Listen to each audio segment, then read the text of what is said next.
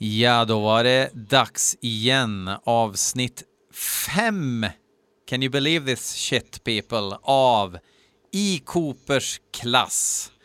Eh, och med mig som vanligt har jag min parhäst. Kan man säga så?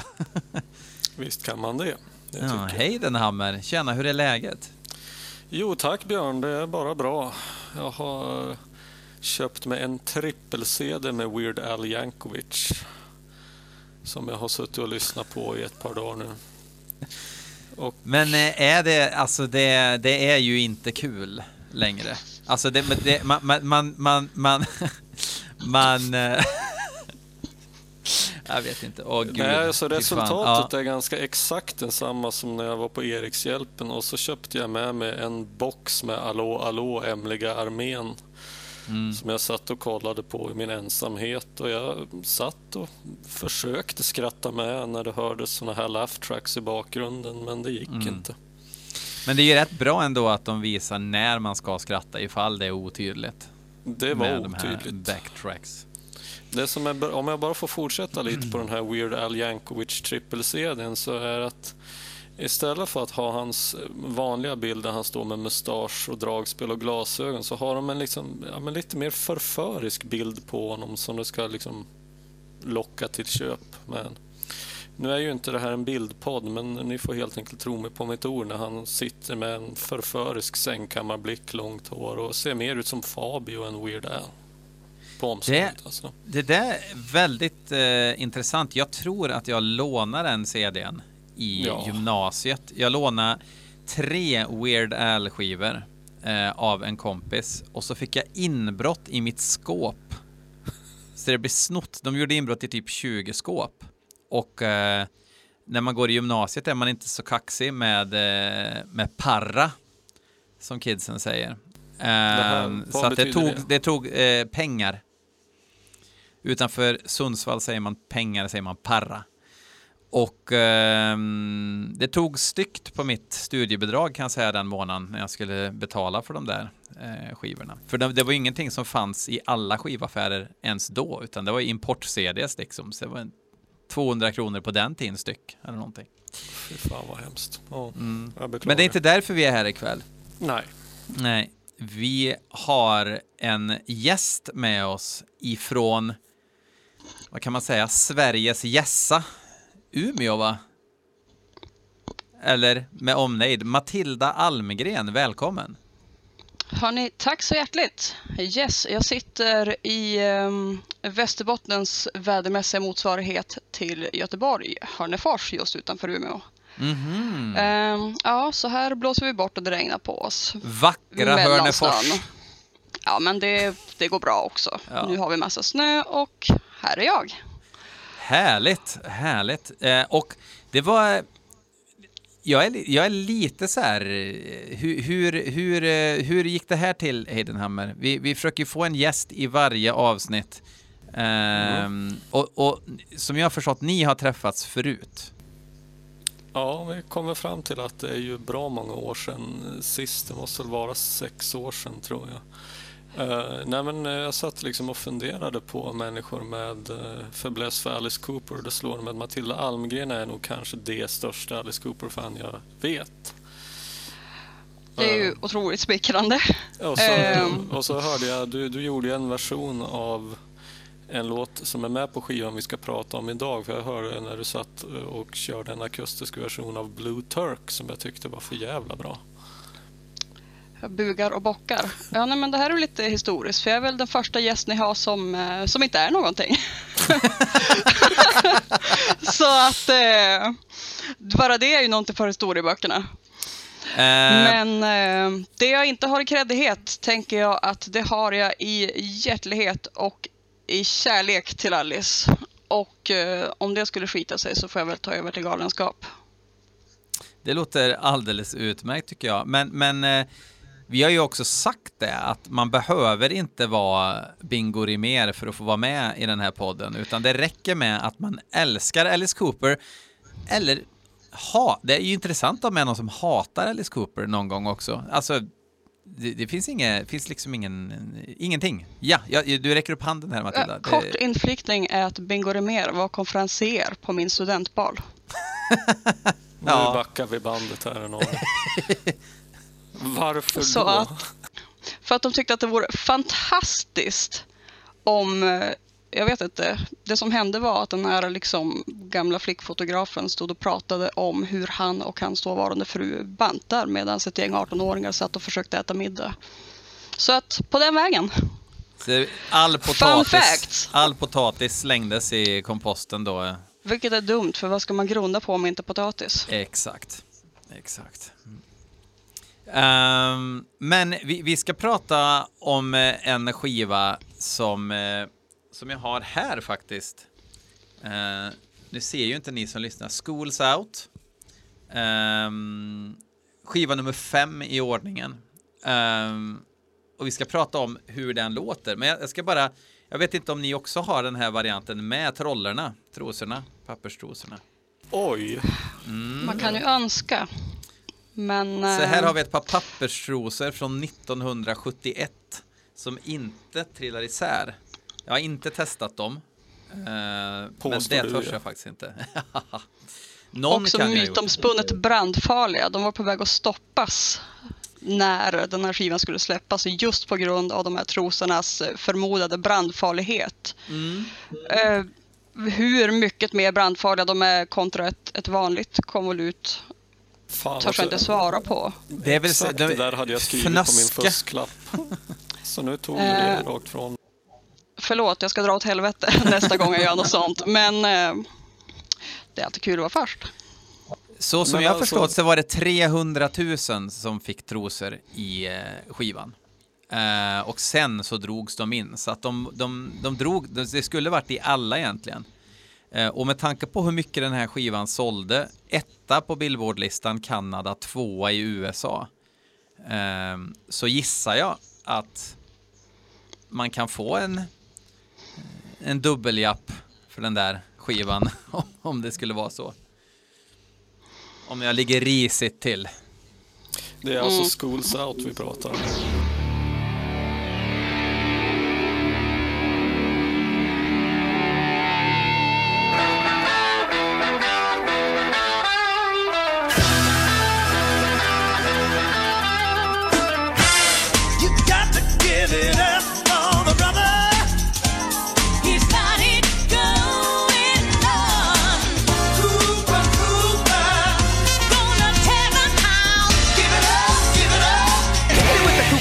Break it down. Ja, för övrigt. jag tror inte vi har sagt titeln. än. Nej, nej, men det Trosor stämmer. först, skola sen. Exakt. Men här i Coopers klass är det aldrig schools out, brukar vi säga. Nej, Nej, en hel del läxförhör kanske. det händer, det händer. Ehm, ja, eh, vill du ta upp tråden här nu, Heidenhammer? Jag tänkte, förra avsnittet, eh, det blir så jäkla passionerat när vi börjar prata. eh, Så att vi hamnar lite luddigt i, vi har ju nästan fått en liten struktur på hur de här programmen ska gå till och hur vi börjar och eh, lite cues och Ja, nej men vi försöker väl så gott det går att blanda. Alltså det, det främsta och det viktigaste är ju respektive deltagares personliga relation till skivan, tycker jag. ja. Eh, för jag menar, det är alltid kul med, med fakta, anekdoter och historier och sådär, men det finns ju, jag menar, alla de historierna har vi ju tagit ifrån andra källor så att säga, så att de finns ju redan publicerade om man verkligen vill få tag på dem. Så att det är ju lite roligare när man ja, berättar om sina, ja, men sin egen eh, relation till, till verken vi tar upp. Så om jag hoppar rakt in och börjar då så kan jag väl säga att Schools Out som skiva var nog eh, ett album som jag eh, kom i kontakt ganska sent med i mitt Alice Cooper-lyssnande. Eh, och jag vet inte om det var för att den helt enkelt hamnade lite grann i skymundan eh, av de andra klassiska 70-talsplattorna. Men jag tror att det dröjde... Ja, alltså... Jag vill minnas att jag faktiskt lånade den här på CD från Uppsala bibliotek när jag bodde där på 2000-talet. Och det var första gången som jag lyssnade igenom den från perm till perm. Det var det mest socialdemokratiska jag hört i hela mitt liv. Ja, det var det. Ja, är fint också. Eh, Ja, visst var det det. Mm. Men eh, ja, nej, jag vet inte. Just där och då så fastnade den in, Jag fastnade inte för den direkt, det kan jag inte påstå. Eh, jag tyckte väl att den var ganska bra, men eh, ja, inte så mycket mer. Utan det är, ner, det är mer på senare år, kanske en sju, åtta år sedan eller någonting. Då började jag, när jag hade införskaffat den själv på, på just CD, har den inte på vinyl och lyssnade igenom den ordentligt, då började jag se storheten i den. Men det tog ändå en bra stund innan resten av låtarna fastnade. Typ. Så det är mitt. Vad Matilda? säger Matilda? Ja, min, eh, min liksom startskott för hur jag började lyssna på Alice Cooper var ju lite eh, brokigare. Jag är ju inte född 1980, jag är född eh, 13 år senare. Så jag är född 1993. 2004 var jag 11 år och fick ärva ett gäng Okej-tidningar av min faster. Ehm, och i en av de här eh, tidningarna från kanske 99 så skriver Anders Tegner, han gör en jämförelse mellan Alice Cooper och Marilyn Manson. Och jag tittar på de här bilderna och det finns en bild här där liksom den är tagen lite underifrån. Alice har snaran runt halsen och han har röda suspen och ser helt magiskt galen ut. Och jag tänker att det här, det här måste jag ha att göra med. Och hörde Poison först. Och sen ganska stötvis kom resten. Jag hade ju inte... Fanns det en enda annan 11-åring i Skellefteå 2004 som lyssnade på Alice Cooper så visste jag inte att den fanns. Jag fick liksom... Eh, jag skulle förstås aldrig i mitt liv ha tankat hem någonting men om jag hade försökt hade jag varken liksom utrustning eller kunskap för att göra det här särskilt kronologiskt. Visade sig också långt senare att jag hade bara en fungerande datorhögtalare. Vilket gjorde att vissa låtar lät lite märkligare sen än när jag hörde dem första gången. Så att jag fick ju helt enkelt sätta mig på när tiden kom för det. Man fick hem någon låt åt gången. Man lyckades få tag i någon stackars skiva. Och Schools Out vet jag är en av dem jag lyckades få hem i någon slags helhet ganska tidigt. Och när jag var tillfrågad om att prata om den här så tänkte jag väl först att Schools Out, den kan man prata om. Men det är en normal skiva. Och sen när jag lyssnade på den här om dagen så gick ett av mina bonusbarn förbi och bara Vad fan är det här? Vad gör du? Vad lyssnar du på? Så kom man på att, vet, att det, det är faktiskt bara en en normal skiva för att vara Alice. Ehm, men det här är ju liksom oss bokstavsbarns anthem på något vis. Det är den här skivan som gör att Alice blir liksom evigt ung på riktigt. Det är här någonting händer. Någonting annat, någonting odödligt. Hur mycket jag än... Hur ska jag uttrycka? Jag är också väldigt svag för Love It To Death och Killer. Men Schools Out, det händer inte någonting annat här. Det är liksom ett, ett startskott för när det liksom blev enormt. Jag vill definitivt hålla med om att jag, det, det har också slagit mig nu när jag har lyssnat på den ett gäng gånger till nu innan det här avsnittet. Att eh, det är definitivt någonting mer som händer på den här skivan och som jag tycker kommer att vidareutvecklas mer under Alice egen solokarriär efteråt. Men jag ska inte gå händelserna i förväg. Men det är någonting jag reagerat över. Jag har som eh, första minne av Schools Out var att eh, min, eh, min barndomskompis, hej Thomas, eh, vi eh, lekte.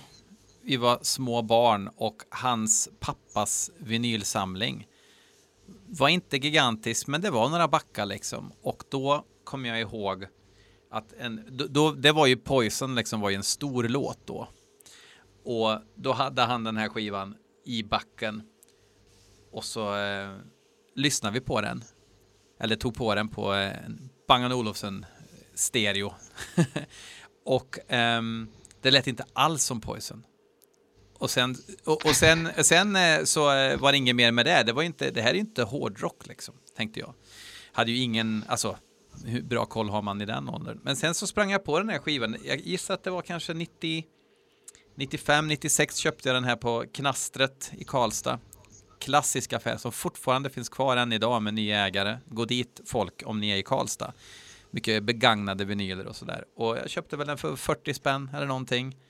Öppna konvolutet, ett par trosor trillar ut. Okej, ja ja. Um, och så lyssnade jag på den och det här var ju under en period liksom som jag eh, på riktigt tyckte, alltså jag, det var i min kanske svåraste metalfas som jag haft i hela mitt liv. Liksom att jag lyssnade på Gehenna och tyckte att det var problematiskt att gilla metal och ha kort hår på riktigt liksom. Inget skämt. Um, och det här var ju liksom ingen metalskiva, men jag hade respekt för Alice Cooper. Det är ju ändå en, en, en barndomshjälte sådär. Så att, eh, Um, så det skulle nog ta några år innan jag liksom började lyssna på den på riktigt. Och än idag, nu när jag, när jag har eh, verkligen lyssnat på den här skivan, alltså jag har säkert bränt den här 15 gånger nu då på en vecka. Och den är ju inte så lång. Så att det är ju, det är ju, det är ju ingen utmaning att göra det liksom. Så, så måste jag säga att jag har nog aldrig tyckt om den här skivan så mycket som jag gör idag. Just för att, vi, att jag har varit liksom tvungen att analysera den så mycket tills det här avsnittet faktiskt. Eh, Jag har alltid liksom gillat den, men det är inte den skivan jag har valt att lyssna på när jag är sugen på att lyssna på Alice Cooper. Liksom. Så, eh, Mm. mm, Det är lite samma för mig också. Alltså när jag fick tag i skivorna då som 11-åring så hade jag ju förstås inget annat val än att älska det jag kom över. Eh, och då ska sägas att då var jag även tvungen att älska sista extra spåret på Dirty Diamonds. Det får ni ta sen framme i tiden. Eh, men också någonting, ett album som jag kanske inte har lyssnat mest på. Eh, inte annat för att man ibland glömmer bort hur bra titelspåret än är. Får man höra det två gånger live på konserterna nu för tiden så tänker man att ja, men Skosouten kan jag ju. mm, Eh, och eh, den här veckan har jag väl känt att jag har nog aldrig haft mer fel i mitt liv. nej. Jag får nog också Intressant. säga det att ja, jag tycker nog också att det här hittills så är ju den här den skiva som jag tycker växer allra mest med flera lyssningar. Jag skojar inte alltså. Nej, bara men- preach it. Nej, men jag, jag tänker liksom så jävla många gånger som jag försökte verkligen komma in i både Pretty's for you och Easy Action och även om vi båda, eller vi liksom, vi, vi har väl sagt att vi tycker Easy Action är ju en bra skiva. Pretty's for you är ju vad den är, bra men kanske på ett annat sätt. Men ingen av de två skivorna tycker jag har den eh, kapaciteten som Schools Out-skivan har. Att verkligen varje gång du hör den så ja, men så händer någonting mer. Eller Alltså, jag lägger till märke till fler och fler detaljer och låtarna sätter sig. Och, eh, trots att den, eh, den är ju ganska... Det, det, det är inte så många låtar som har riktiga refränger på den. Jag undrar om det kanske är det som gör att man kan uppskatta den ju fler lyssningar man ger den. Nej, jag vet inte. du- Jag har lyssnat på den hundra gånger senaste dagarna ungefär och har inte ens reflekterat över det. Men det Nej, var inte inte jag fel. heller. Alltså jag tycker kanske det största, ja, fel att säga problemet då, men om nu den här skivan har någonting som ligger den i fatet så skulle det enligt mig kanske vara att uh, Schools Out-låten är ju inte speciellt representativ för den här skivan. Well, we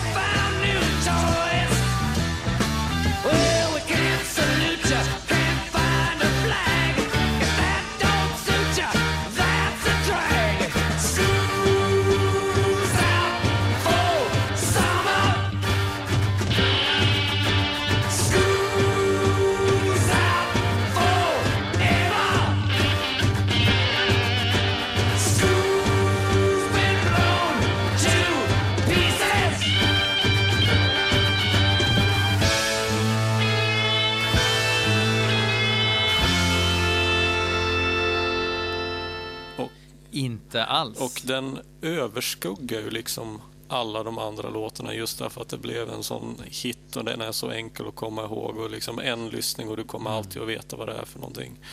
Men den passar ju ganska dåligt in på resten av hela albumet. Mm. Och jag vet inte, är det... Ja, jag, håller, jag håller med. Alltså, Schools Out eh, behöver jag nästan inte lyssna på längre. Alltså, den, den, jag har den i huvudet. Men du Matilda hade fått, eh, fått ny... Ja, men... Alltså du vet, jag lyssnar på den och du vet, ja men främst Alice eh, själv sitter ju och pratar om att det de ville fånga var de här tre minuterna innan sommarlovet. Och liksom när man verkligen lyssnar, alltså du vet inte kolla Instagram samtidigt och liksom hör hur allting, alltså det är ju jag menar man är själv keeper of the seven bokstavskombination, man vet hur det är att inte kunna sitta still. Och när man liksom verkligen, verkligen lyssnar, det är inte ett instrument som inte är på väg att hoppa ur bänken. Det är det här malandet, det är det här, liksom det, det bygger upp och nästan, om man bara liksom lyssnar på de här bara gitarrerna. Det finns liksom en explosionskvalitet här som, som jag har glömt bort eh, under många år. Eh, men den, den sitter ändå som en... När man inte liksom... När man lyck- tillåter sig att glömma bort att man har hört den miljarder gånger så finns det ändå nytt att upptäcka att man älskar i den. Mm. Sen håller jag helt med, det är inte en särskilt representativ låt på skivan och jag skulle också kunna vara så pass fräck att jag säger att den kanske är mest närbesläktad med spåren som jag inte tycker är bäst på skivan. Men kanske bäst av dem. Mm. Vilka... Ja, jag vet inte. Går vi igenom skivan låt för låt eller hoppar vi lite sinsemellan? Alltså, jag, jag, jag, jag tycker att eh, om det hämmar diskussionen så tycker jag inte att vi behöver vara så eh, kommun, kommunfullmäktiga, utan vi tar det, vi hoppar lite, lite, lite hipp som happ, tycker jag vi kan göra, men jag tycker ändå att vi kan säga något om varje låt, eh, ha det som mål, eh, målsättning. Ja. Eh, Jag, jag, om jag, jag tänker så här, en, en sak som har slagit mig också nu när vi har lyssnat igenom skivorna flera gånger och vi gör det i kronologisk ordning så är det väl att det här är väl första skivan sedan Easy Action som Alice sjunger på det här riktigt råa viset. Alltså det är någonting ganska annorlunda i hans röst och speciellt på låten Schools Out. Att det låter ju mer, growl är ju fel ord, men snäsigt. The Och- fake vocal chords som man säger, alltså att det här är där man hittar den här lilla disten i eh, fake, ja, eh, falska stämband heter det på svenska till och med. Eh, där- där det brusar till lite liksom. Samma teknik som man använder i growl ju, fast eh, mm. Gud, jag vart alldeles ställd. Men jag menar, jag tänker att eh, det som liksom är genomgående i alla låtar, oavsett hur jag tycker låten är som helhet, är ju just hur Alice sjunger. Det är så magiskt många fina sångstunder på den här skivan. Så att bara det tror jag att det är synd att, att glömma bort den. Inte bara Men sångstunder. Jag, jag, jag tänker på till exempel, jag, jag vill inte säga fel för det är så många nu som, eh, som kommer eh, hacka på en a- Alma ma- Mater. Alma Mater, heter den så? Det blir inte Alma Mater. Alma Mater kanske det är. Ja, telefonsånglåten i alla fall. Där han har någon sorts telefonsamtals tjosan hejsan i slutet. Det, det är ju Alice som snackar. Men han går ju in i en karaktär, alltså det, det, samtidigt låter det ju inte alls som han. Han har ju eh, no, någon sorts eh, ganska bred, sluskig dialekt liksom och eh, eh ja, hela den grejen är ju jävligt skum liksom.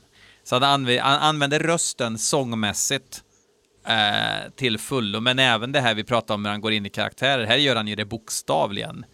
Går in i någon sorts karaktär liksom. Eh, du hade en fråga till Matilda? Ja, nej, men att jag blir ju nyfiken på det där du som att eh, Schools Out-låten var mer besläktad med de låtar du sannolikt tyckte minst om på den här skivan. Ja, och jag menar, jag har ju kärleken även till de fula barnen om man säger så. Inte för det. Ja, men naturligtvis. Men, eh, alltså, Men ehm, om jag börjar med att eh, jag tycker att personligen tycker jag att det bästa i Gutter Cats är sången och sen blir jag nog faktiskt bara gladast av West Side Story-partierna. Mm. Och det kan man ju tycka, men eh, om man tittar på en låt innan som inte alls handlar om snusk och sen Gutter Cats som absolut handlar om snusk och den senare av dem är ganska osexig. Och den första betydligt mer. En sån sak, en reflektion från mitt håll. Mm, mm. Jag tänker på Gutter Cats versus The Jets. Att um, låten hade ju varit ganska anonym utan West Side Story-partiet. Den får ju, alltså, den skapar ju ett sammanhang för resten av låten som gör att låten blir jävligt bra, tycker jag.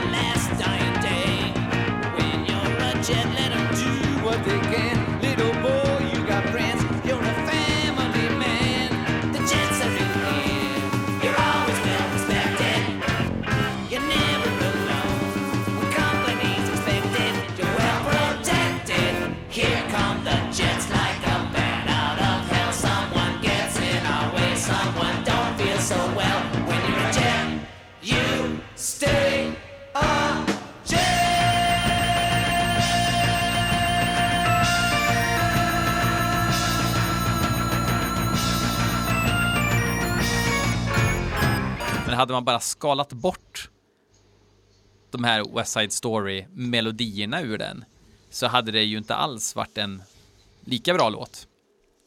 Nej, i sin jag. helhet eh, så tycker jag om den. den Mm. eh, Jag tänker inte sparka bort den någonstans. Men eh, det är liksom inte det, den i sig själv som eh, bidrar till helhetskänslan. Eller bidrar, den är förstås del av.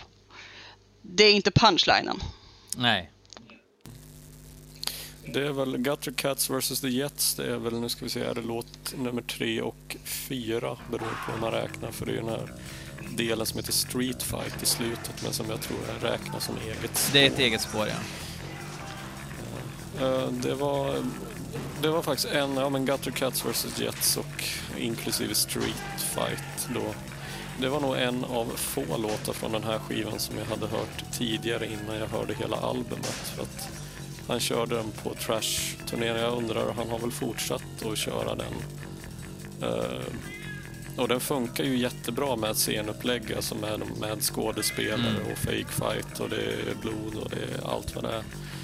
Eh, Jag menar, det är ju genialiskt för vad det är. Så det är väl där, jag, jag, jag har alltid tänkt som att den här låten kom med på skivan kanske inte så mycket mest för det musikaliska utan för att ha någonting till scenshow. Men jag kan ju såklart ha fel.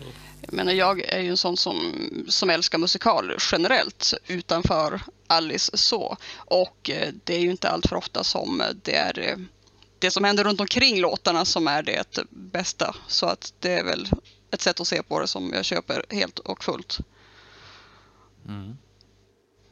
Jag har, jag har en tanke om sida A och sida B på den här skivan. Eh, om man bortser ifrån singeln Schools Out, som jag tror är anledningen till att den här skivan sålde så bra överhuvudtaget. Just att skivan heter samma sak som singeln, som ju var en, en betongkrossare för sin tid såklart. Så sida A, bortsett ifrån Schools Out, känns väldigt storstadsnatt. Eh, gå på gatorna, det är mörkt, man ser eh, gatuljusen, man är ganska ensam, kanske lite duggregn. Ehm, och sida B är lite mer Dallas. Då blir det finare, Ja. finare 70-talskostymer om man eh, har bråttom med en väska och det är lite solsken och det är lite blås och sådär. Ja. Eh, den känsla jag fick, det känns i alla fall som det, skivan byter lynne när man vänder på den.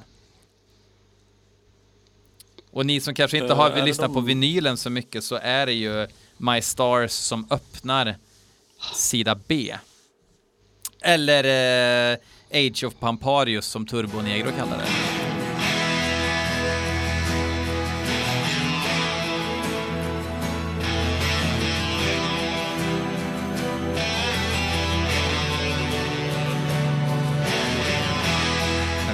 Den. det är Ja, rakt jag var av. inte där för Dallas, så jag tänker bara köpa din analys här. Mm. Jag tar emot den och tackar och tänker fundera på den. Det är inte omöjligt att se en, en, eh, en Bobby Ewing eller en J.R. Ewing som ler i mjugg när man hör blåset liksom. Inte, inte i min värld i alla fall. Ja, Och jag dricker också whisky som J.R. Ewing nu också för övrigt. Eh, Gud så bra. Vi låtsas, det får vara svepskälet den här gången. Skål. Eh, jag, jag har också tänkt på det här med, eh, hur ska man säga, cohesiveness, vad fan säger man på svenska? Um, um, Enhetlighet. sam, Jag kunde det tills du sa det. Hörighet, sa inte samhörighet, sam... Ja, cohesiveness kan du säga ändå. Ja, okej. Eh, först och främst, är den här skivan ett konceptalbum som vissa påstår? Eller är det det till viss del eller inte alls? Jag känner väl själv att jag köper det på majoriteten av låtarna, liksom det här. Eh, jag tänker att de eh, var det här gänget i skolan, det är liksom de här eh, busstrecken, pojkstrecken, det är att de tittar på eh, science fiction-film, det är Street Fight, West Side Story. Alltså, jag köper konceptet som så. Sen finns det ju kanske någon låt som man kan fundera på hur, hur den här hamnar här. Men inte så att den inte passar musikaliskt, men mer textmässigt. Men när du tänker här att se på science fiction-film, är det My Stars-låten som skulle vara att de, man ser på en film med science fiction-tema? Jag tänker att det är ju ett sätt att se på saken. Åtminstone. Den, eh, ja. Den är ju filmisk, är den ju. Men jag kan ju lika gärna se skyskrapor filmat från marknivå. Eh, som rymd. Därav Dallas Ja. kanske. Här kommer väl, väl ett argument för att ta det här um, kronologiskt eftersom jag har en... Uh, Vi gör det här kronologiskt. jag tror vi gör det här kronologiskt. Mm. Annars så blir det läggdags innan jag är klar med det här. Ja, men vi, ska vi börja helt enkelt med låt 1, Schools Out? Eller har vi pratat klart Den är, om alltså alla har hört den. Eh, och det är en rocker. Eh, men den, den skrevs väl på så vis att de hade listat typ tre grejer som är såna här höjdpunkter i ens liv. Och då var det sista skolavslutningen, eh, kärlek och det. Nej, men vad var det? det? Det var tre saker. Det var skolavslutning och så var det väl eh, första sexdebuten och sen så var det någon mer grej sådär. Eh, det kan Det vara är någonting åt bullshit. det hållet. Ja. Men eh, Och så väljer de skolavslutning. Det är intressant när man är ett rockband i och för sig. ja, men 24 år gammal eller vad man var. just den här skolavslutningen slutar ju med så att säga buller och bång så att det är ändå eh, konceptuellt korrekt. Ja, absolut. Absolut. Men eh, ja, finns det, det kanske finns massor att säga om den, men det var ju en, en dunderhit och är väl kanske den största eller mest kända Alice Cooper-låten. För att det kommer jag faktiskt ihåg att när jag, när jag köpte den här skivan sen och lyssnade på den för första gången så bara den här känner jag igen. Är det här Alice Cooper? Kommer jag ihåg att jag tänkte. 1995 kanske, eller vad det var. Så att um, den var ju större än Alice Cooper, låten. Typ. Rimligt. Mm. Störst någonsin, så att säga. Ja. Ja, Jag, vet, jag, jag kan bara mest bara säga att eh, för mig har den faktiskt aldrig varit någon riktig favorit. Eh, jag tycker det är en bra låt för vad det är men jag, jag vet inte. Jag, har, jag tycker det här med barnkörer till exempel är någonting som bör användas ytterst sparsamt. Och det är någonting som ringer lite fel i öronen på mig när med det arrangemanget. Att det faktiskt känns lite för barnsligt för att vara Alice för mig. Men det kanske är högst personligt.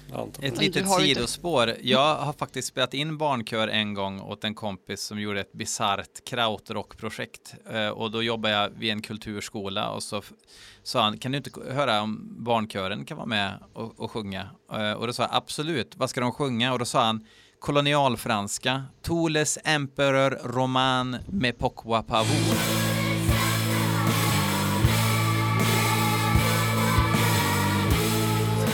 Ja. Ja, Det här är en story som är tillräcklig för att bränna ut vem som helst. Eh, så han, han satte ribban högt när man väl fick tag på en barnkör. Eh, jag tycker att eh, tycker det är lite mysigt att barnen är med och sjunger där. Ja, något ska man ju ha dem till. Ja, Tänker jag. nej. nej, men eh, ja, Out, vi har hört den till leda. Jag har en viss kärlek för den när jag kommer ihåg att jag älskar den. Så är det. Men jag sätter inte igång den först. Då går vi Ja. vidare tycker jag. Efter allt det tråkiga. Mm. Ja, låt nummer två, Looney Tune.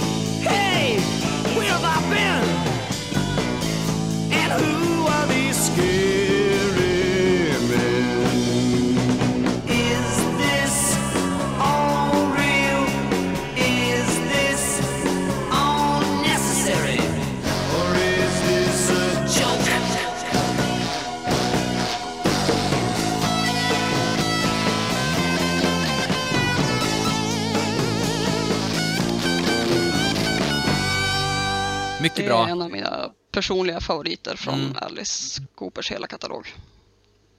Så pass till och med. Jag älskar Looney Tune. Jag skulle ha svårt att lämna den om jag åkte till en öde. Det är liksom, Vad kännetecknar låten? ja men alltså. Jag menar, som sagt, jag är svag för musikaler. Jag är svag för eh, allt liksom, all smutsig, glittrig dekadens. Och liksom att kunna sjunga en, en rad som att eh, att eh, I'm swimming in blood like a rat on a sewer floor och få det att låta lite sexigt. Det, det finns en magi i det som Förmodligen kan bara bero mer på något fel hos mig. Men det är en, liksom en långsam, sexig och ganska Ennio Morriconsk låt. Ja, Just innan slutet så händer det någonting som påminner om, om eh, Larena som Tarantino använder när Uma Thurman ska slås ut ur kistan i Kill Bill. Det byggs upp på ett otroligt snyggt sätt.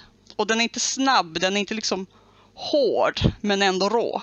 Det är en magisk låt.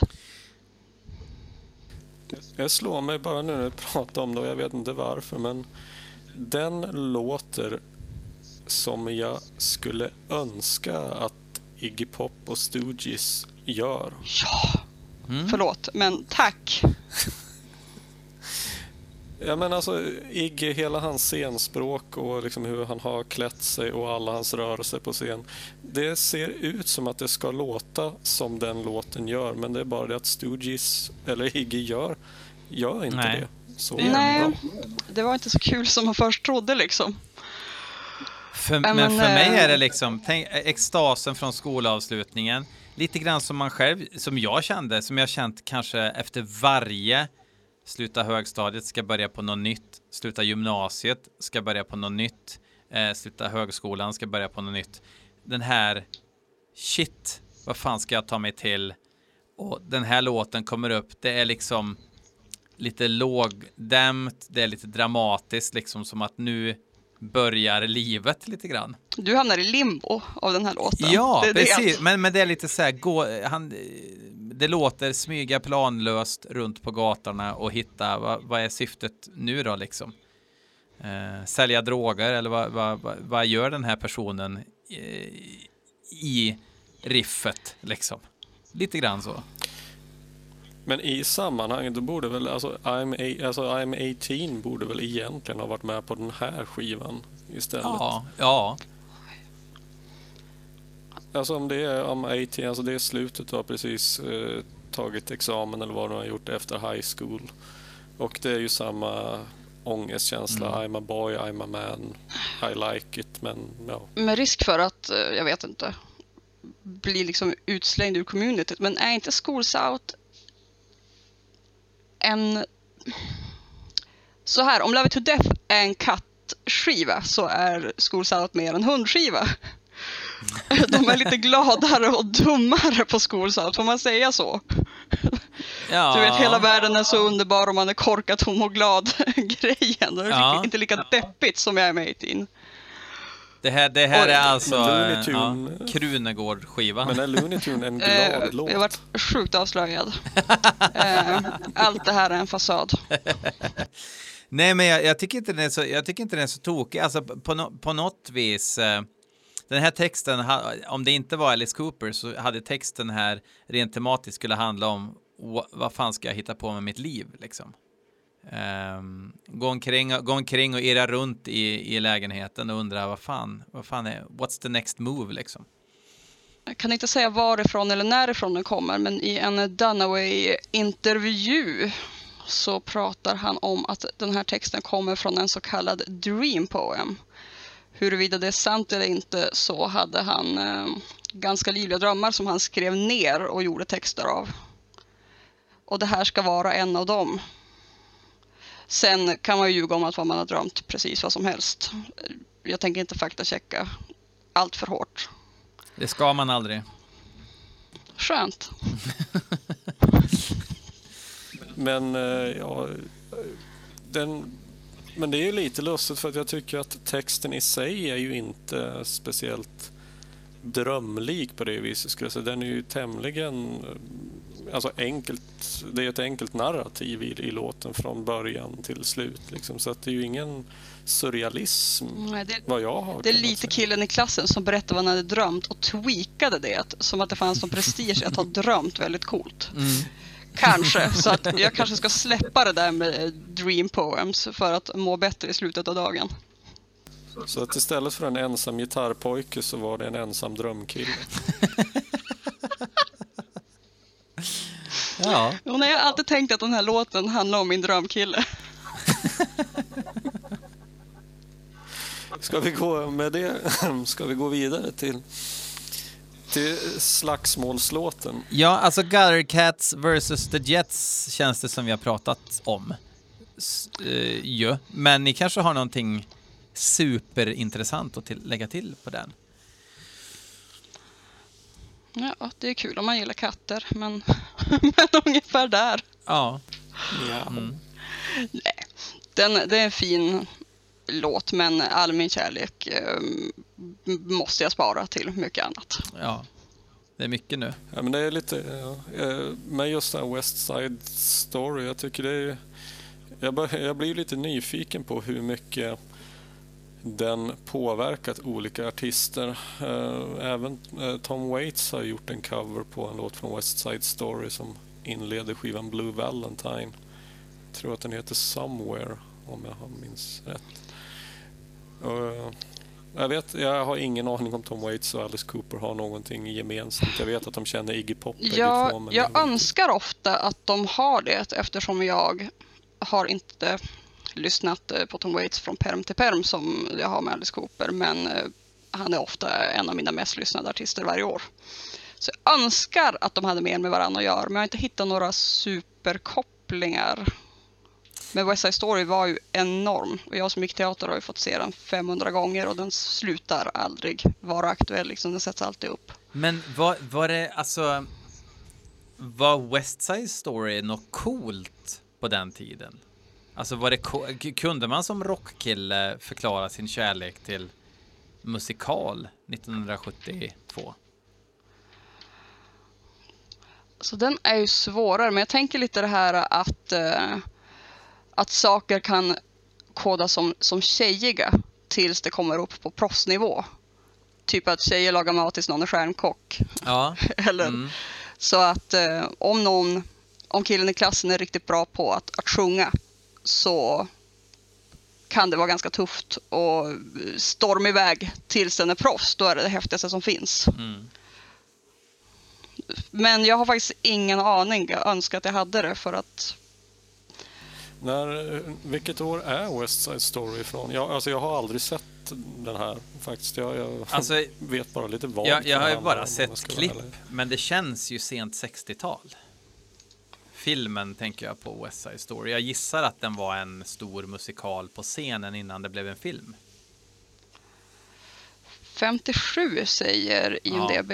Jag säger Mm. inte att jag googlade, men det gjorde jag. Filmen alltså. Så det är så till... Filmen. eh, an adaption of the 1957 musical. Så att eh, filmen, filmen, filmen. Du, när den kom ifrån första gången törs jag inte svara på, men ehm, Jag gissar på 60-tal i alla fall. Men ändå så pass tidigt som 57 så sätter man upp en musikal med ett sånt här tema. Det hade jag faktiskt inte hade jag inte riktigt kunnat tro. Men å andra sidan så kan jag inte 50-talet så pass bra att jag Sex, egentligen bör uttala mig. 61 kom filmen i alla fall. ja. Mm. Och då bör den ju ha spelats på någon scen innan dess. En sväng eller två. Jag tänker James Dean och sådär. Har ju också kuttat varann och Mm. Ja, det är alltid lite tufft. ja. Eller, förlåt. Ja, nej men okej. Ehm, ja, tiden springer ju iväg liksom. Vi, vi, vi får ju harva igenom här. Street Fight är ju inte en låt. Så den tycker jag inte man Nej. kan säga så mycket om, men den sätter väl en viss stämning efter då The Jets-partiet. Ehm, Ja, sen då... Så då är vi inne på den eh, blå turken. Jajamän.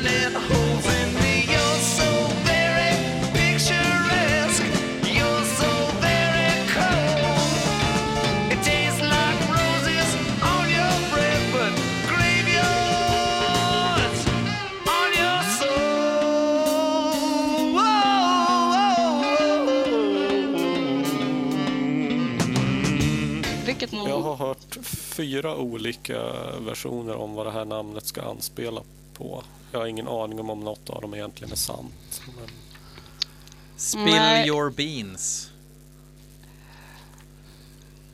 eh, ja, jag kan väl... Det första, eh, enligt, nu ska vi se, enligt Michael Bruce självbiografi så menar han att det var någon slags buzzword at the time som han uttryckte det och jag vet inte riktigt i så fall, han ger ingen förklaring till vad, vad uttrycket egentligen skulle ha betytt. Och det andra var att om någon medlem i Alice Cooper skulle få för sig att öppna en jazzklubb så skulle den döpas till Blue Turk.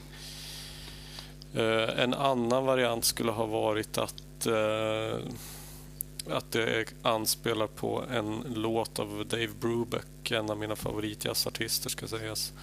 Att han, han har en som heter Blue Turk, eller Blue Rondio alla Turk eller någonting sånt. Eh, Och sen den sista, eh, ja men Matilda, det pratade ju vi om i chatten. Du Ja. också om- Eh, Jag har också hört just den där Blue Rondo eller Turk-grejen. Men det här är en sån här låt som får mig att fundera på om jag lever i en parallell verklighet när jag pratar om det med andra. För att eh, i min värld är det här den första nekrofililåten. Exakt, jag, Ja, jag, men jag har skrivit inte kommentarer när jazz möter nekrofili för första gången. Och eh, för när jag googlade det här, det kom aldrig upp i någon intervju och jag vet att jag frågade någon gång i den här stora Alice Cooper-gruppen på Facebook liksom att vilken är den bästa Alice Cooper-låten om nekrofili? Och liksom, vil- vilket är en normal fråga att ställa. Sådär, man satt och käkade lite chips och tänkte att ja, men nu vill jag prata nekrofili, kör. Eh, men, och ingen nämner den. Och man tänker att, ah, eh, vad gör ni? Och för varje person på internet som föreslår det så finns det tio personer som säger att nej, nej, det här handlar om jazz. Eller någon person som säger att det här handlar inte om nekrofili. Det här handlar om sex med levande personer. Om man tänker att vad har du för sex med Ja. raden eh, You're so very lame. Hur kul kan det bli? Det får mig att tänka på den här klassikern Puff the Magic Dragon. Som ju var en omskrivning. Och så kör Lasse Lundahl en cover som heter Puff, Puff en pappersdrake. Och inte har fattat grundbetydelsen i originallåten överhuvudtaget. Det är, li, det är lite, lite varning på att man inte är så världsvan om man tänker att det här handlar om eh, samtycke. Nej men det är dåligt om det och jag tycker också att, att det är så snålt mot låten att, att inte bara köpa att men så här är det för jag tycker att den vinner på att ge den den tolkningen. Vi har ju liksom det Earthworms som rule your brain, vi har Graveyards on your soul, You're so very lame, vi har Roses on your breath, vi är liksom nybegravda här. Och är det då så att den handlar om det här så är det också jävla roligt med eh, Nothing bad coming very slow. Så den, den har ju allt en Alice-låt behöver. Den är liksom handlar om döden, den är lite läskig, den är sexig, den är rolig och låter fantastiskt. Så varför skulle man ta ifrån den det? Men jag förstår inte riktigt varför skulle... Ja, varför skulle man... Varför skulle man ifrån Alice håll dölja? Alltså jag menar I Love the Dead kommer ju på nästa skiva Mm. liksom. Och jag menar, de har ju redan sprängt en skola på den här plattan så så edge kan det inte ha varit. Ja, det är ju fan strået vassare faktiskt, att spränga en skola. Eh, ja, Det här är för övrigt den låt jag lå- spelar först för ett person, en person som eh, inte är ett Alice-fan. mm. Alltså det här är en av mina absoluta favorit Alice-låtar. Jag Mm. tycker den är helt fantastisk. Och med ett arrangemang, alltså det, är, alltså det är ett sånt genialiskt hantverk med blåsarrangemang och ja, produktion och allt. Jag tycker att det, det klaffar till 100% och ingenting av det låter krystat eller skohornat in som jag ibland kan tycka att vissa Bob Ezrin-arrangemang kan göra. Men här är står alla stjärnor rätt. Det, jag tycker det blir inte riktigt bättre His än så. stars helt faktiskt. enkelt. Mm, Ja. Sen, är, sen, sen är det ju så också att refrängen är ju inte superolik refrängen i The Ballad of Dwight Fry heller. Nej, det är väl en CD, e-moll historia. Eller ja, det, det är i princip samma refräng, fast snyggt. Förmodligen inte, nu har vi ingen bra refräng. Ah, vi tar en gammal, så var det nog inte. Den kom nog till spontant, men den är väldigt lik och det gör ju ingenting överhuvudtaget. Nej, det låter ju inte så att säga som att det på något sätt känns som en repetition. Det känns Nej. som att det bara finns spelglädje och i den här låten. Det känns verkligen som en, en kärlekshistoria. Och sen tycker jag också när artister hittar ett melodispråk som de återanvänder i andra låtar. Om det inte är krystat eller det hörs att det är ut på idéer så är det ju bara en styrka hos en artist att det finns vissa melodiska eh, signaturer som kan återkomma. Det visar ju bara att man har hittat sin, liksom, sin grej snarare. Jag vet ett band som Motorhead till exempel. Ramones, Ramones, Nick Cave. Ja, If it's not broken, don't fix it. exakt. Nej, men precis. Eh, nej, men jag, jag ville kolla lite grann i och gå till Dunaway och Bruce böckerna och höra om, eller läsa om de hade någonting mer att säga om, om skivan. Men vad jag förstår så var det genomgående intrycket om albumet att de menar att det, det här var en av de skivorna som var tvungen att, eftersom allting skulle skrivas i en sån jävla rasande takt eh, i och med vad de var kontrakterade för att göra så verkar det som att de har inte så där jättemånga historier om just de här låtarna att berätta utan de, de skrev snabbt, de spelades in och sen så gick man egentligen bara vidare. Jag hade ju önskat att det fanns några fler historier i, i alla fall. Men, men jag tänker att man, att man återanvänder några ackord här och var, ja men det kanske inte är så konstigt om man är tvungen att spotta fram material och speciellt inte om det låter bra. Nej. Trots att man kanske använt det. Exakt. Ehm, ja, nu, nu går vi ju från eh, eh ja, min, min tanke om känslan för skivan. Nu går vi från det lite mörkare, lite mer lågmälda. Jag, jag, jag ser själv sida A, det är ju inte bara mörkt och lågmält, men i mitt huvud så är det det. Sida A och bytet sida B. Nu tar vi på oss den tajta kostymen och den korta slipsen och tar med väskan och så går vi ner mot eh, centrala Dallas och slänger på My Stars i lurarna.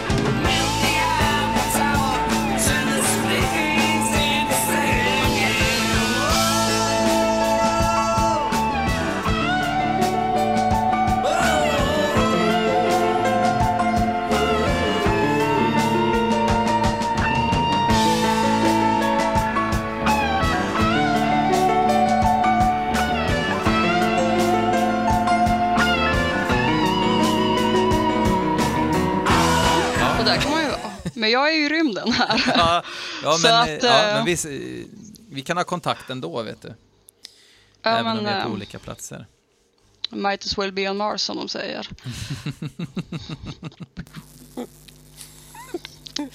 Tack för mig nu. Raggardick. Ehm, Eh, Okej, jag, Jag, tar, jag, jag, jag måste säga att jag, jag, jag visste inte vad den här låten handlade om. Men jag, min tolkning efter att ha läst igenom texten ett gäng gånger är... Jag tolkar det som att det handlar om någon slags Jesusfigur som är kommen ifrån rymden. Och det här som sägs i slutet, Klato verata nikto, det är väl ifrån The Day the Earth Stood Still om jag minns rätt. Exakt där är vi.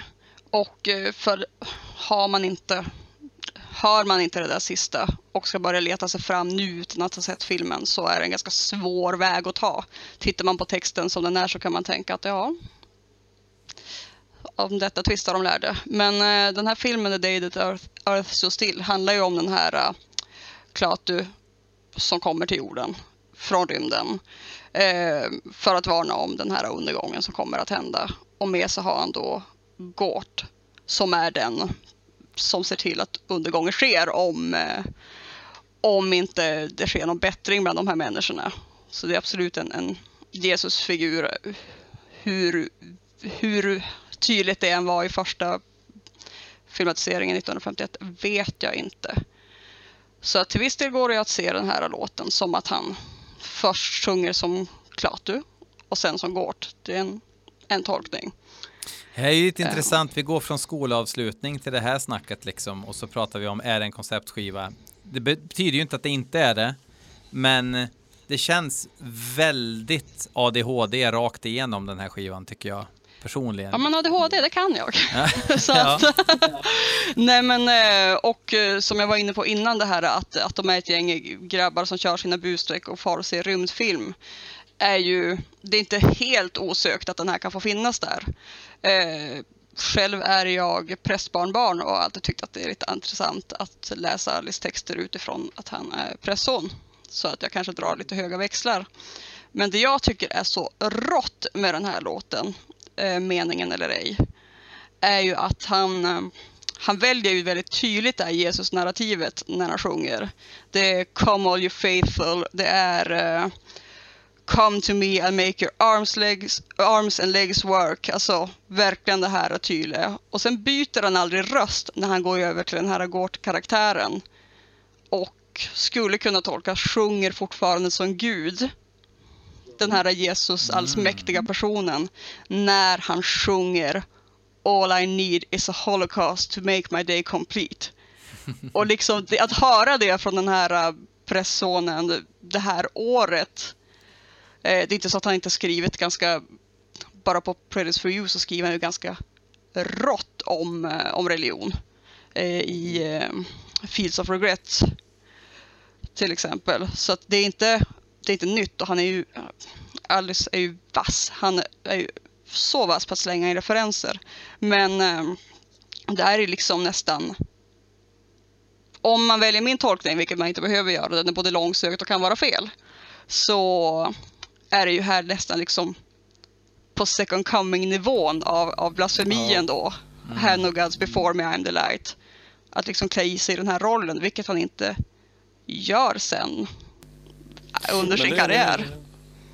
Men nu när du säger att det, det är ju lustigt att man kan väl, det går ju att se att låtar från olika album eh, faktiskt verkar hänga ihop konceptuellt. För jag, jag hade inte gjort kopplingen till Second Coming och Hallowed Be My Name men den är ju ganska klock Alltså det är ju ganska glasklar och helt klockren skulle jag säga nu när du påpekar det. Men jag hade faktiskt jag hade inte tänkt på det förrän just nu. Nej, det är ju en sån där grej man inte får göra och kanske särskilt inte i den roll som Alice har iklätt sig i på Love It To Death. Alltså när han blir ond, på, ond för första gången liksom. Så att säga. Eller ja, när den här karaktären börjar komma fram mer. Att då sjunga Hand of Gods Before Me, I'm the Light är ju vågligt kanske. Mm.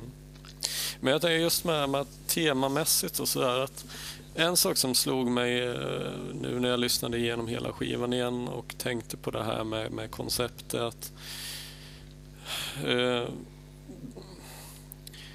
hade det varit omöjligt att egentligen göra halva skivan till en konceptskiva typ sida A och sen låta sida B vara de lite mer så att säga spretiga Fri lek. bitarna.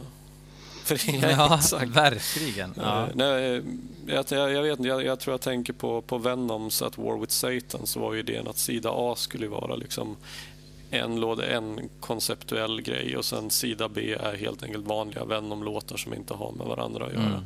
Men jag vet inte, det kanske skulle ha sabbat grejen på, på den här på Schools Out-skivan. Ja, jag skulle inte säga att den här långa raden jag gav nu, den eh, är kanske inte för Schools Out som albums fördel.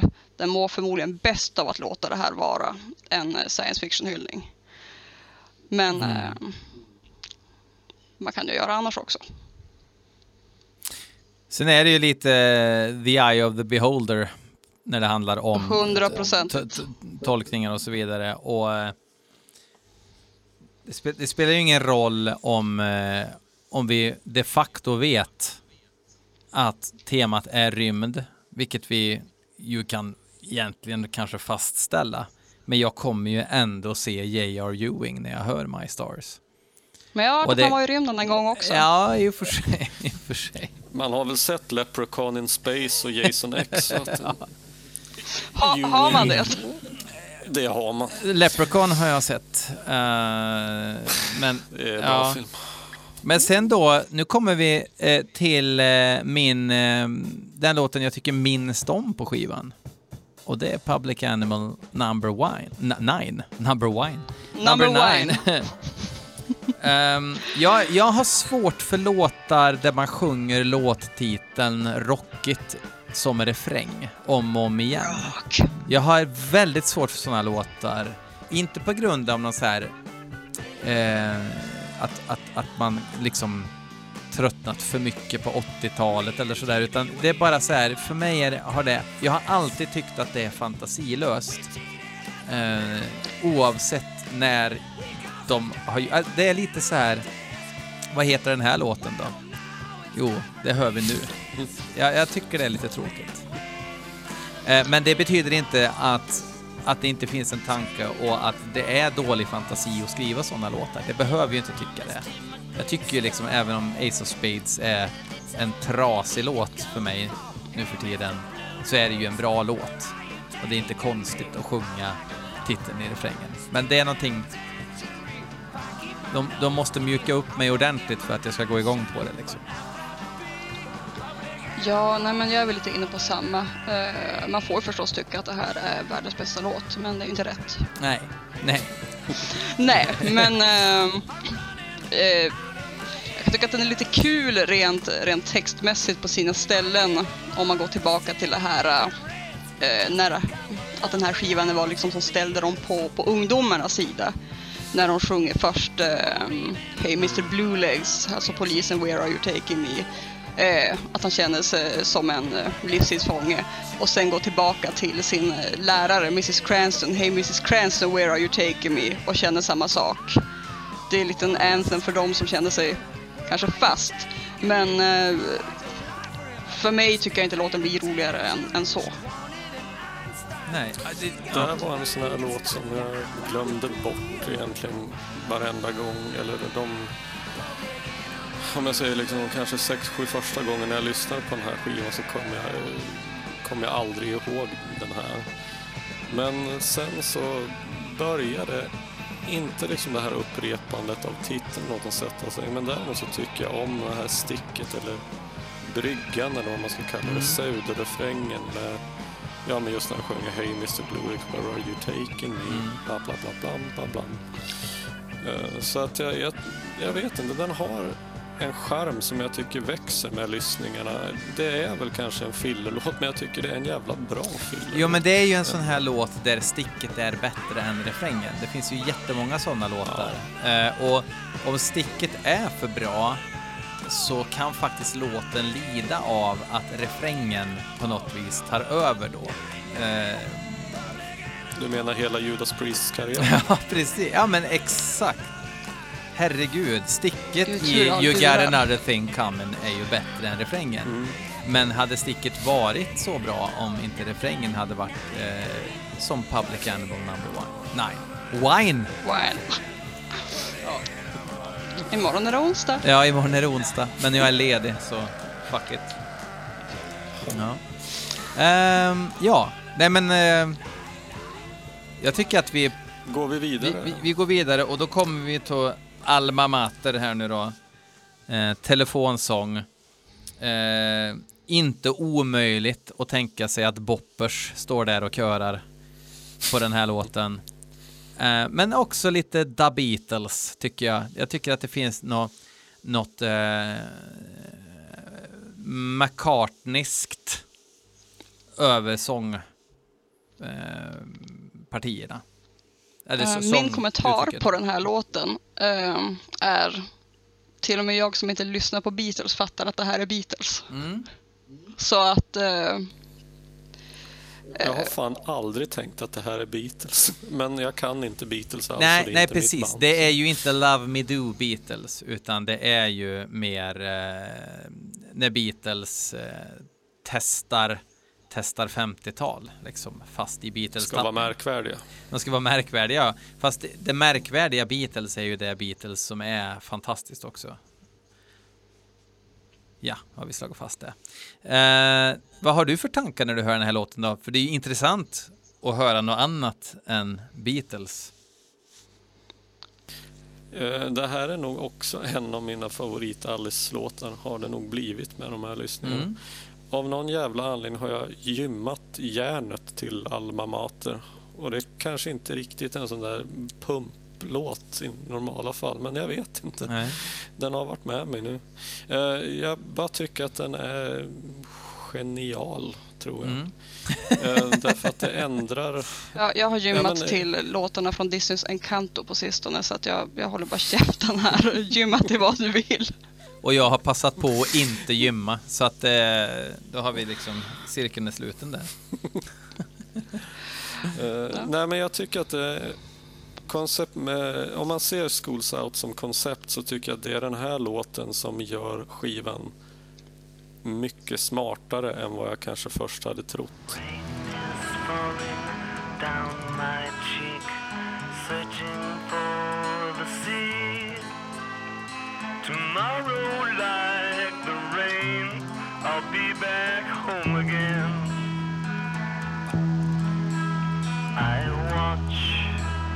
the bus as it pulls out of view. Someday, like that bus, I will be leaving too. But you know, it breaks my heart to leave you. Camelback, my high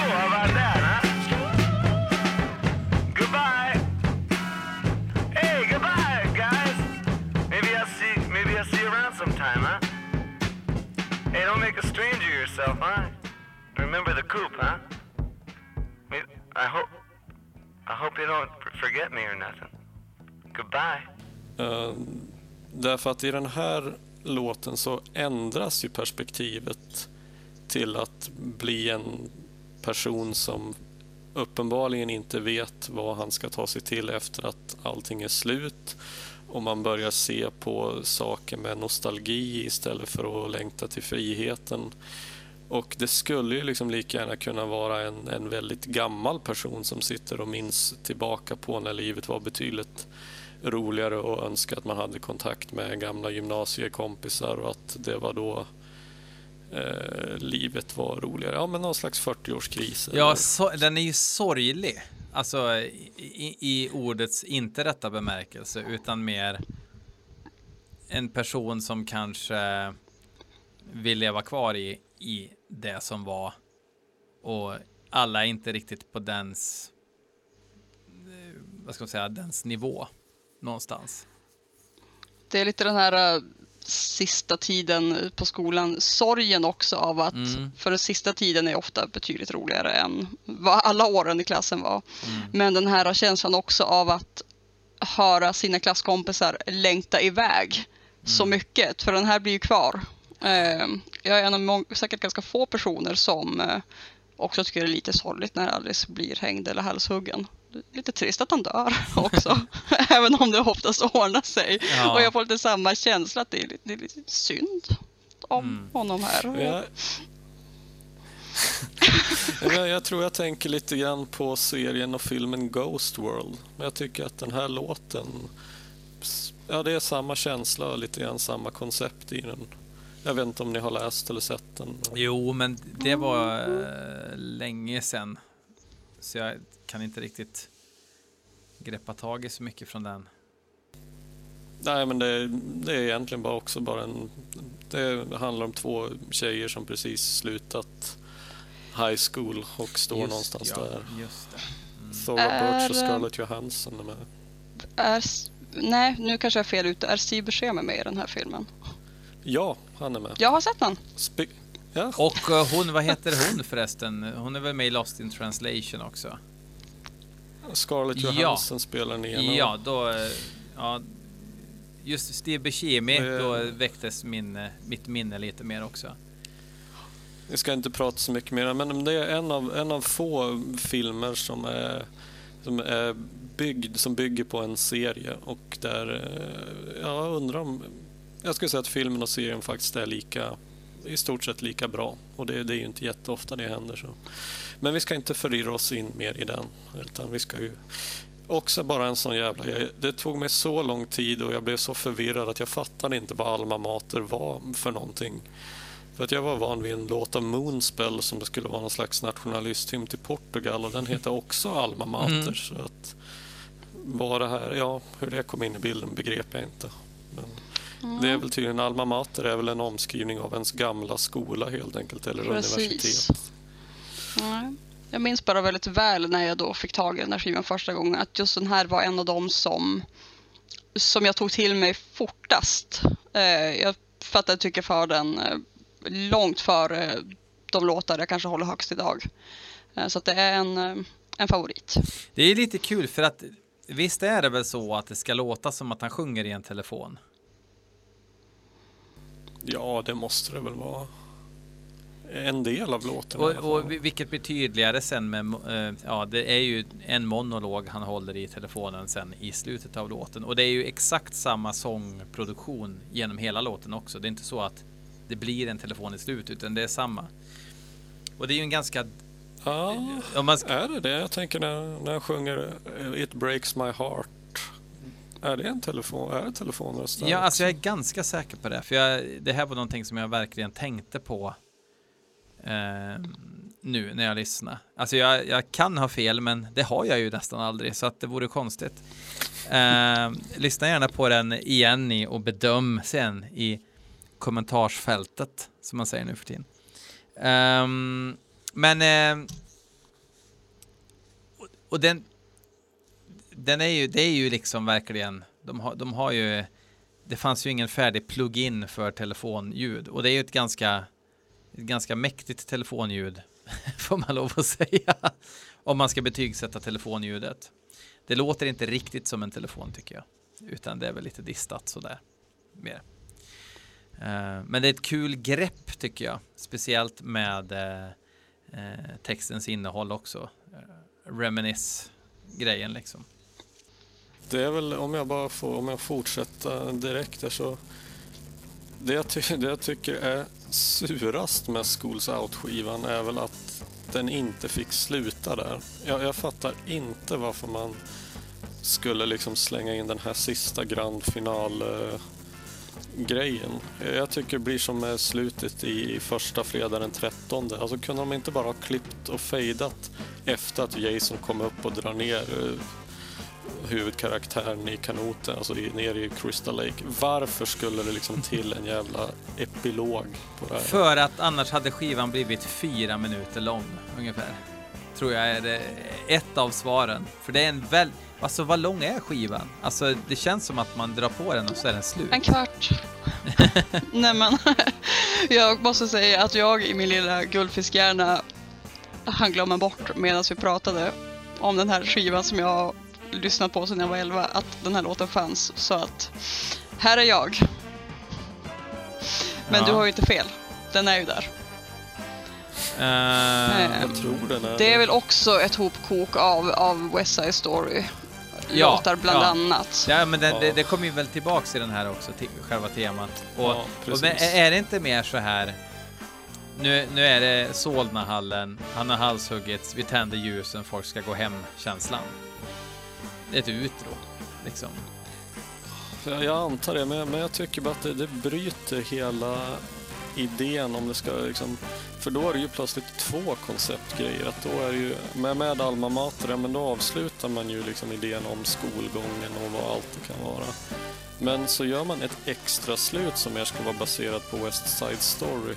Och jag, jag vet inte om jag liksom är sur, alltså överdriver alldeles för mycket, men jag ser bara inte poängen.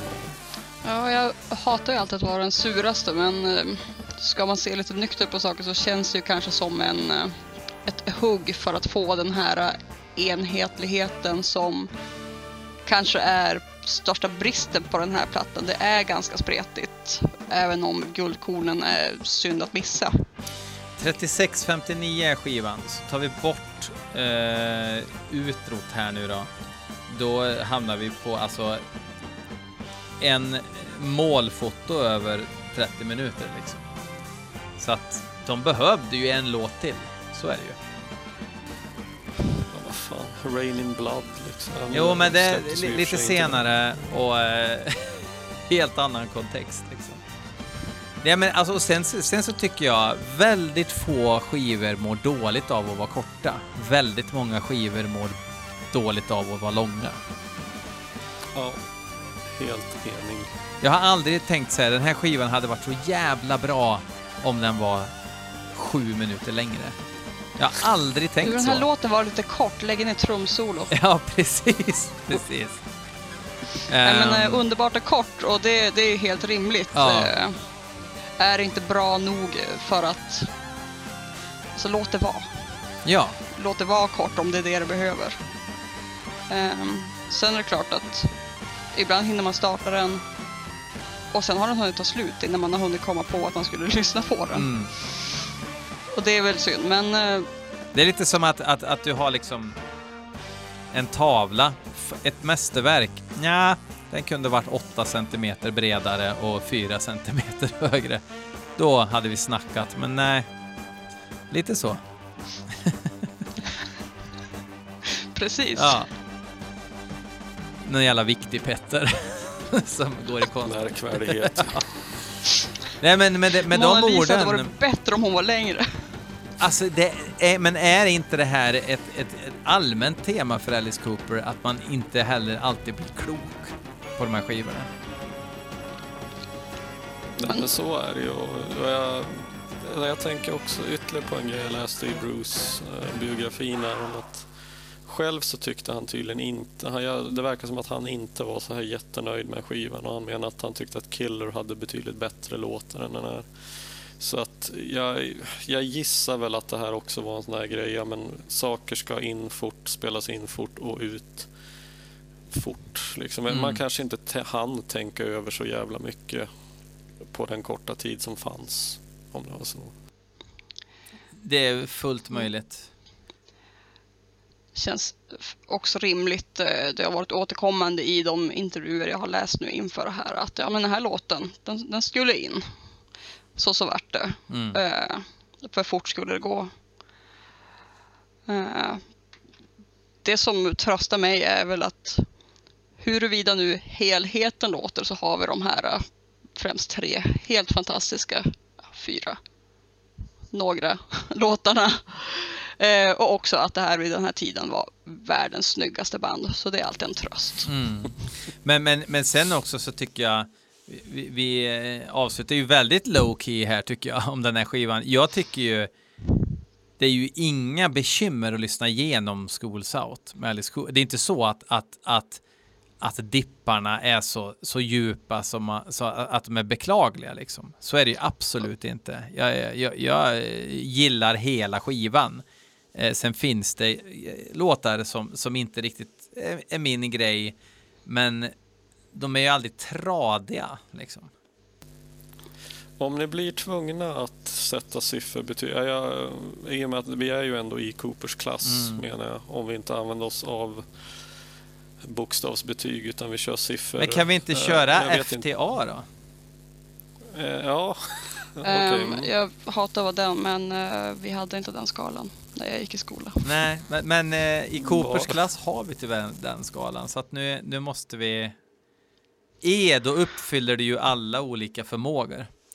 Eh, så att E är ett bra betyg i Coopers klass. Eh, A, då är det ju mycket väl på allting. Ehm, Eller vad sägs om siffror? Ja, okej, vi kör ett, ett, alltså översätt bara då. A, skitsamma, 1 till 5, vi kör. Vi är old school. Between old school and high school. Ja, men alltså, den har ju, som sagt, har den ju i Looney Tune, i My Stars, i Blue Turk, låtar som jag eh, på riktigt skulle ta med mig i graven om jag fick. Det är så starka låtar, jag älskar dem oerhört. Eh, det är liksom en sån milstolpe i hela Alice Cooper-historien att jag kommer eh,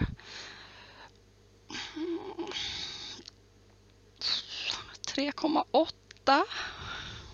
Inte 4 för jag vill ha kvar det. Men Gud vad svårt. Men det låter ju precis... före. Jag har ju satt B minus. Det är ju typ 3,8 då. Ja, det Mm. låter rimligt. Ja, jag, jag tycker ni, ni är ju näst, Jag hade nog trott kanske lite högre till och med. Men eh, ja, jag, för Ja. min del blir det nog 8, av 10 i varje fall, 4 av 5.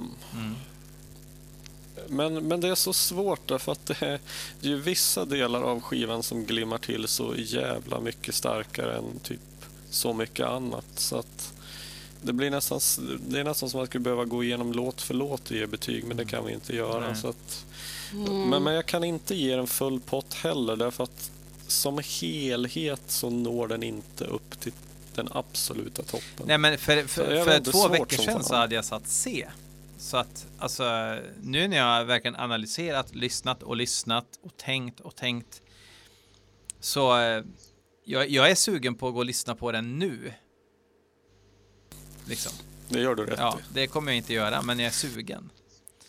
Ehm, det tycker jag är ganska talande för en skiva som man egentligen borde vara lite less på nu när man har hört den så mycket. Nej, men jag är samma. Innan vi satte oss här så liksom, eh, du vet kaffekoppsdansade mig in i rummet Mm. till den. Till och med till Gutter Cats Mm. som jag skulle kunna ha det less på. Men jag är inte där fast jag inte ens tycker att den är starkaste på skivan. Nej. Jag kan höra den också en gång till, Mm. eller tre, den här veckan. Och sticket på Public är. number 9 kan jag lyssna på också. Taget. Ja, men det verkar väl som att sammantaget så, så verkar vi kunna ge den, ja men det handlar väl någonstans kring 4 av 5 eller B då, eller 3,8 Mm. av 5. Men då blir jag ju lite så här, Om jag bara frågar lite snabbt. Matilda, vad är det som gör att du inte vill ge den full pott?